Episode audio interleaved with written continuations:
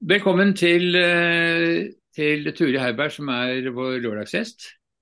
Eh, og Du har vært på en seiltur litt utenom det vanlige. Du har eh, seilt med SAS og Lemkøl fra Jakarta til Mauritius. Og du beskriver det selv som et øyeblikk i tiden. Og Det betyr jo at du har hatt opplevelser ikke bare med selve seilingen, men også relasjoner og forhold til naturen og havet og sånn som du har, som har gjort inntrykk på deg, og, og, det vil vi gjerne høre mer om. Eh, du er jo ikke egentlig først kjent uh, som, som, seiler, det er jo ikke det som har vært din hobby opp gjennom årene. Så det er vel da kanskje litt andre årsaker til at du har valgt denne turen, som er da en, en jordomseiling som er pågående nå med SAS og Lempull. Fortell litt om hvordan du kom borti det, og hva som gjorde at du valgte denne turen. Um, jeg hadde jo fulgt med på sommerprogrammene som var om Statsråd Lemkull rundt omkring i Norge. Og var, var, også informert fra andre om denne turen. Som de har brukt veldig lang tid på å planlegge. De har jo brukt fire år på å planlegge denne turen. Så jeg var litt kjent med det. Og eh, det er riktig at jeg ikke har lang seilererfaring, men jeg har jo seilt en hel del med jolle som ung. Og vi er jo en sjønasjon. Så det føles veldig naturlig. Føltes veldig naturlig å kaste seg på dette, denne seilskuten når det nå var mulighet. En mulighet kom opp, og en mulighet som var litt utenom det vanlige, og veldig spennende. Vi må jo innskyte kanskje at du hadde en far som hadde olympisk medalje i seiling i 1952. Så helt utenom seilmiljøet var det jo ikke. Nei, absolutt ikke. Og det var jo faktisk det en av erfaringene fra denne turen var hvor mange som hadde foreldre eller slektninger som hadde drevet med seiling. Som også endte opp som lettmatroser og matroser, og, og, i profesjonelle i seileryrket. Det var en som var eh, eh assistent til vaktleder, hun var 22 år. Hennes mor var jo kaptein på, på en ferge fra Bergen til eh, eh, Sogndal. Og hennes far jobbet på sjøen. Så det var veldig mange historier om hvordan folk eh, enten var, var, ganske profesjonelle seilere, eller hvor de, var, hvor de hadde blitt trukket inn i dette gjennom familieforbindelser. Mm. Du har jo en profesjonell bakgrunn eh, med humanitære eh, engasjementer. Du har jobbet i Redd Barna, du har jobbet i andre ting som har hatt mye med mennesker å gjøre. og det var kanskje også noe av det som trigget nysgjerrigheten din for å være med på en sånn tur? Hvordan mennesker ville agere på en sånn båt over lang tid? Absolutt. Og det var en, en veldig positiv opplevelse. Det, ja, jeg hadde jo forberedt meg på hvordan reagerer du på denne lille plassen når mennesker har veldig forskjellige meninger og tanker om det meste. Og jeg hadde forberedt meg på at jeg ikke skulle forholde meg til det. Og selvfølgelig så skjedde jo det på båten at vi kom fra ulike tradisjoner og, og, ulike oppfatninger. Men så var det jo dette at vi jobbet sammen. Så du mm. kan sitte i den ene øyeblikket og diskutere noe hvor du ikke er helt enig. Så går vi opp og trekker i litt eh, tau og, og, seil og ordner opp det som må gjøres. Så da ble det ble en veldig flott opplevelse at så mange forskjellige, forskjelligartede mennesker eh, kunne leve sammen, og så bra, egentlig. Og det var jo ikke bare forskjelligheter i meninger, det var jo deltakere fra 12 år og opp til 78. Mm. Jeg tror det var fra nesten 12 na nasjoner. Og vi skulle jo også forstå den dansken som eh, vår vaktleder snakket, som var mer, mer vanskelig enn jeg hadde forestilt meg på forhånd. Mm. Så, så, så, det var et vidt spekter på veldig mange forskjellige nivå. Så det var spennende. Mm. Og dere måtte selvfølgelig ta del i driften av selve båten. altså uh, Renhold og ikke minst trimming av seil, det var deres uh, jobb. Så mm. måtte dere klatre i massen, selvfølgelig? Ja, det måtte vi også. Og det var veldig spennende. Um, og det var jo de mest um, vi måtte gå gjennom en test. Det har vært en ulykke for mange år siden den danske, i den danske seilskipet. Og da har de blitt veldig oppmerksomme på sikkerhet. Så eh, de som skulle gå helt til topps, måtte bestå en test, en styrketest. Så, men eh, alle vi andre fikk anledning til å gå ut på en av, en av disse bommene og, og, og, og ordne med seilene der. Så vi alle fikk, fikk lov å være med hvis vi, hvis vi turte og, kunne. Mm. Men de aller mest, aller mest, rutinerte fikk gå helt til topps. Mm. Jeg spør hvor høyt opp du kom? Ja, jeg tror jeg var rundt 20 meter eller noe sånt. Det var 40 meter, så det mm. var jo et godt stykke opp. Mm. Hva lærte du da? At du ikke skulle se ned, f.eks.? Eh, nå har jeg drevet litt med klatring i min ungdom, så jeg hadde liksom ikke det uh, utgangspunktet. Um, så jeg følte meg ganske komfortabel i å gjøre det. Uh, og vi ble jo instruert hele tiden. De sto jo over oss og på siden og sa husk å sette inn dette sikkerhets, uh, sikkerhetsutstyret sånn og sånn og sånn. Så jeg følte meg relativt trygg. Mm. Men det er jo en spesiell følelse å stå på bølgene blå når det er såpass mye sjø, når det eh, kunne være ganske mye sjø, mm. og, og, du er såpass høyt oppe, så, mm. så, er det en veldig morsom følelse, vil jeg, vil jeg si. Men det var jo mange som ikke, ikke, hadde så trygg følelse da. Tenkte du at din bakgrunn med jolleseiling i ungdommen at det, at det hjalp deg litt en sånn storhet? Absolutt at jeg, jeg, jeg, vet jo noe om hva det krever når man krysser eller hva, når man har medvind. Og her hadde vi jo veldig mye medvind. Mm. På, altså ikke direkte medvind, men det var ikke de store Vi måtte ikke krysse fram og tilbake eh, på, som om vi hadde fått vinden fra andre, andre kanter. Mm. Så den jollekunnskapen var veldig god, fordi da eh, visste jeg jo visste jeg jo hva som kreves dersom vi måtte begynne å krysse. Og, og, ja, og, hadde, og, hvis det hadde blitt veldig, veldig mye mer vind enn det mm. som var. Mm. Nei, for Det var jo ikke så veldig mye vind. Det, var, det ble jo det man må kunne beskrive som en fløteseilas. Så dere hadde veldig, veldig fine forhold og varmt og godt vær. Så, mm. så, sånn sett så var det vel ikke noen utfordringer akkurat på den siden? Nei, det var vel ikke de store utfordringene. Det var det nok ikke. Og, og da tenker jeg på i forhold til det profesjonelle mannskapet også. Mm. At um, det var jo mer å finjustere, finjustere hele tiden. Mm. Mm. Hvordan var det sånn komforten om bord? Dere sov vel ikke i egne lugarer? Dere lå i hengekøyer rundt omkring i båten? Ja, vi, jeg sov sammen med 45 andre. Ja. Og, og, de snorket og hostet. Men ja. etter, etter en kort, kort stund så bryr du deg ikke om det. det er faktisk når jeg kom hjem så syns jeg det var veldig ensomt. Mm. Så jeg begynt å bli vant til de 45 menneskene. Mm. Og vi bodde jo vi bodde veldig spesielt, for den, der hvor vi dette blå teamet, da, eh, hvor vi var, var også der hvor vi spiste. Så vi mm. måtte pakke sammen eh, hengekøyene og ordne alt, slik at eh, de kunne begynne å servere mat rett etterpå. Så vi mm. sov jo ikke så mye. Men det var jo ingen som sov så mye. Så vi måtte jo prøve å ta det igjen det forsømte utover dagen. Men det gikk vel kanskje vakter om natten også? Hva sa du? Det gikk vel kanskje vakter om natten også? Ja, vi hadde fra åtte til tolv. Mm. Men det var jo de andre timene hadde jo da fra tolv til fire og fra fire til eh, åtte. Ja. Så det var jo rundt, hele døgnet rundt bemannet, også av de frivillige. Men så dere hadde ikke rullerende vakter, dere hadde fast eh, vakt hele tiden? Fast vakt, ja. Så vi hadde fra åtte til tolv om morgenen og åtte til tolv om kvelden. Mm, mm. Ja, det var jo forholdsvis behagelige eh, tidspunkter. Ja.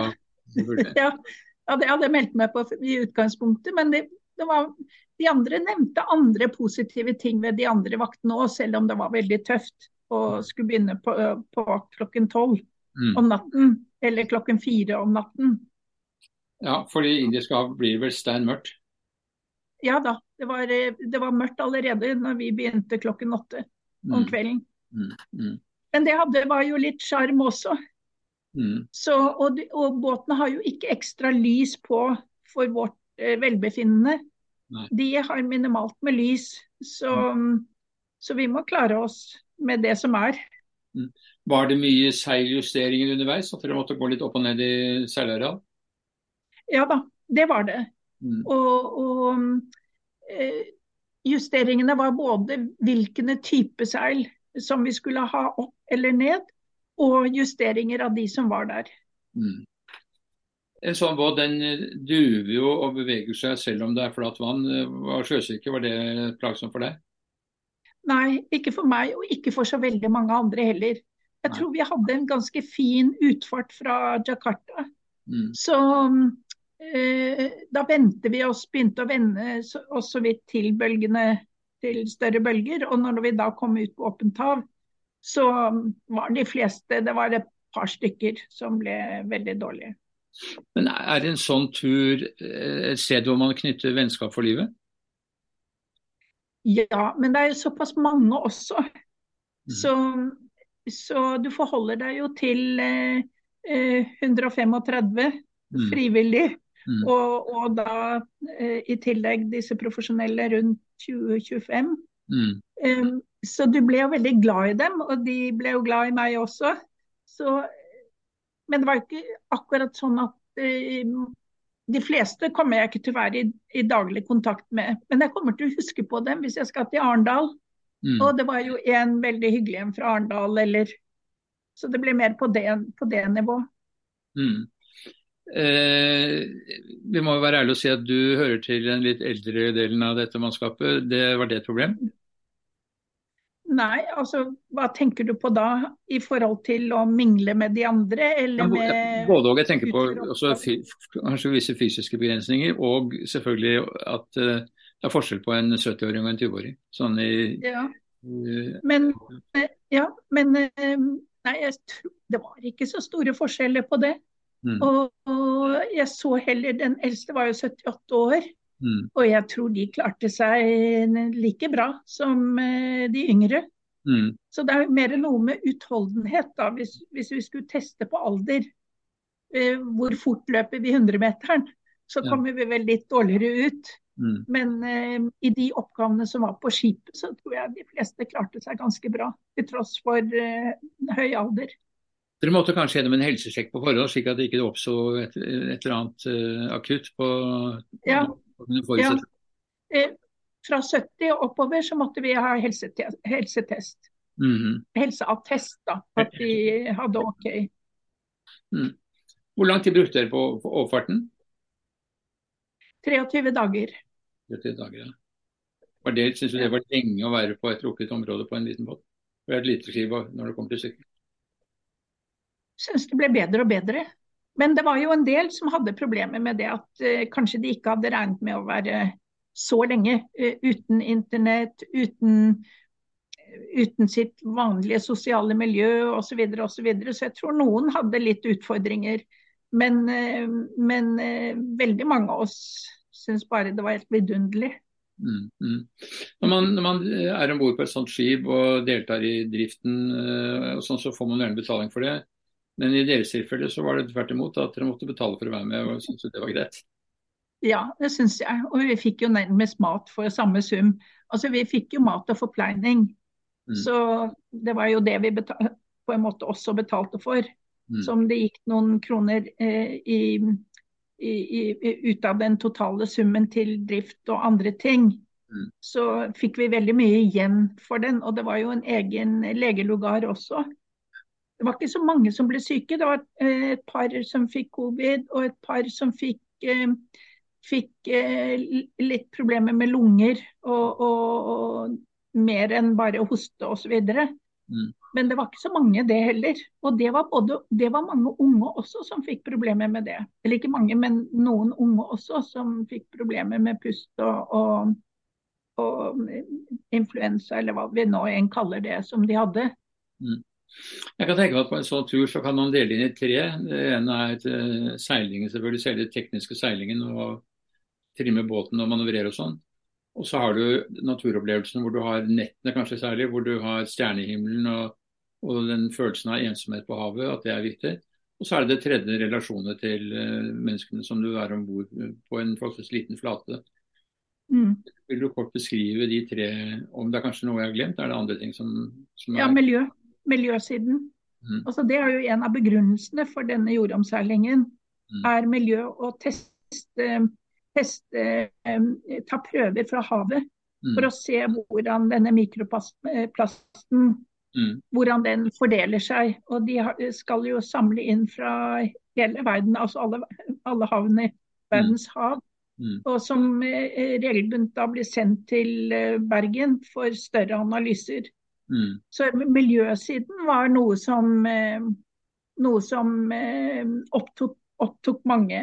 Mm. Og så var det seilesiden som eh, opptok andre igjen veld, veldig mye mer enn en f.eks. alt det andre som var på, på båten.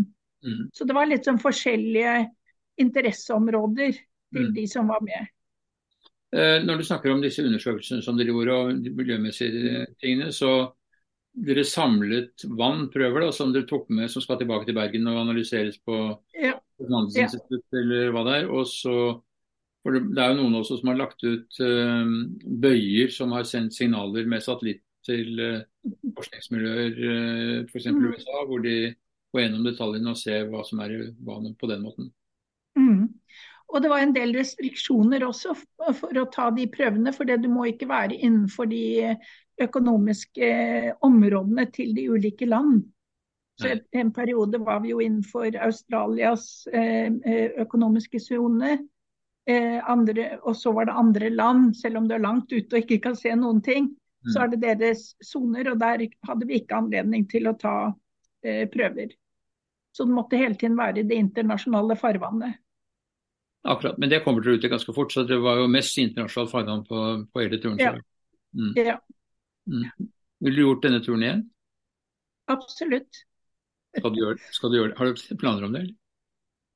Ikke, denne her kommer jo ikke igjen. Nå planlegger de en ny tur gjennom Nordvestpassasjen om fire-fem år. Det er i hvert fall en drøm til stiftelsen. Ja.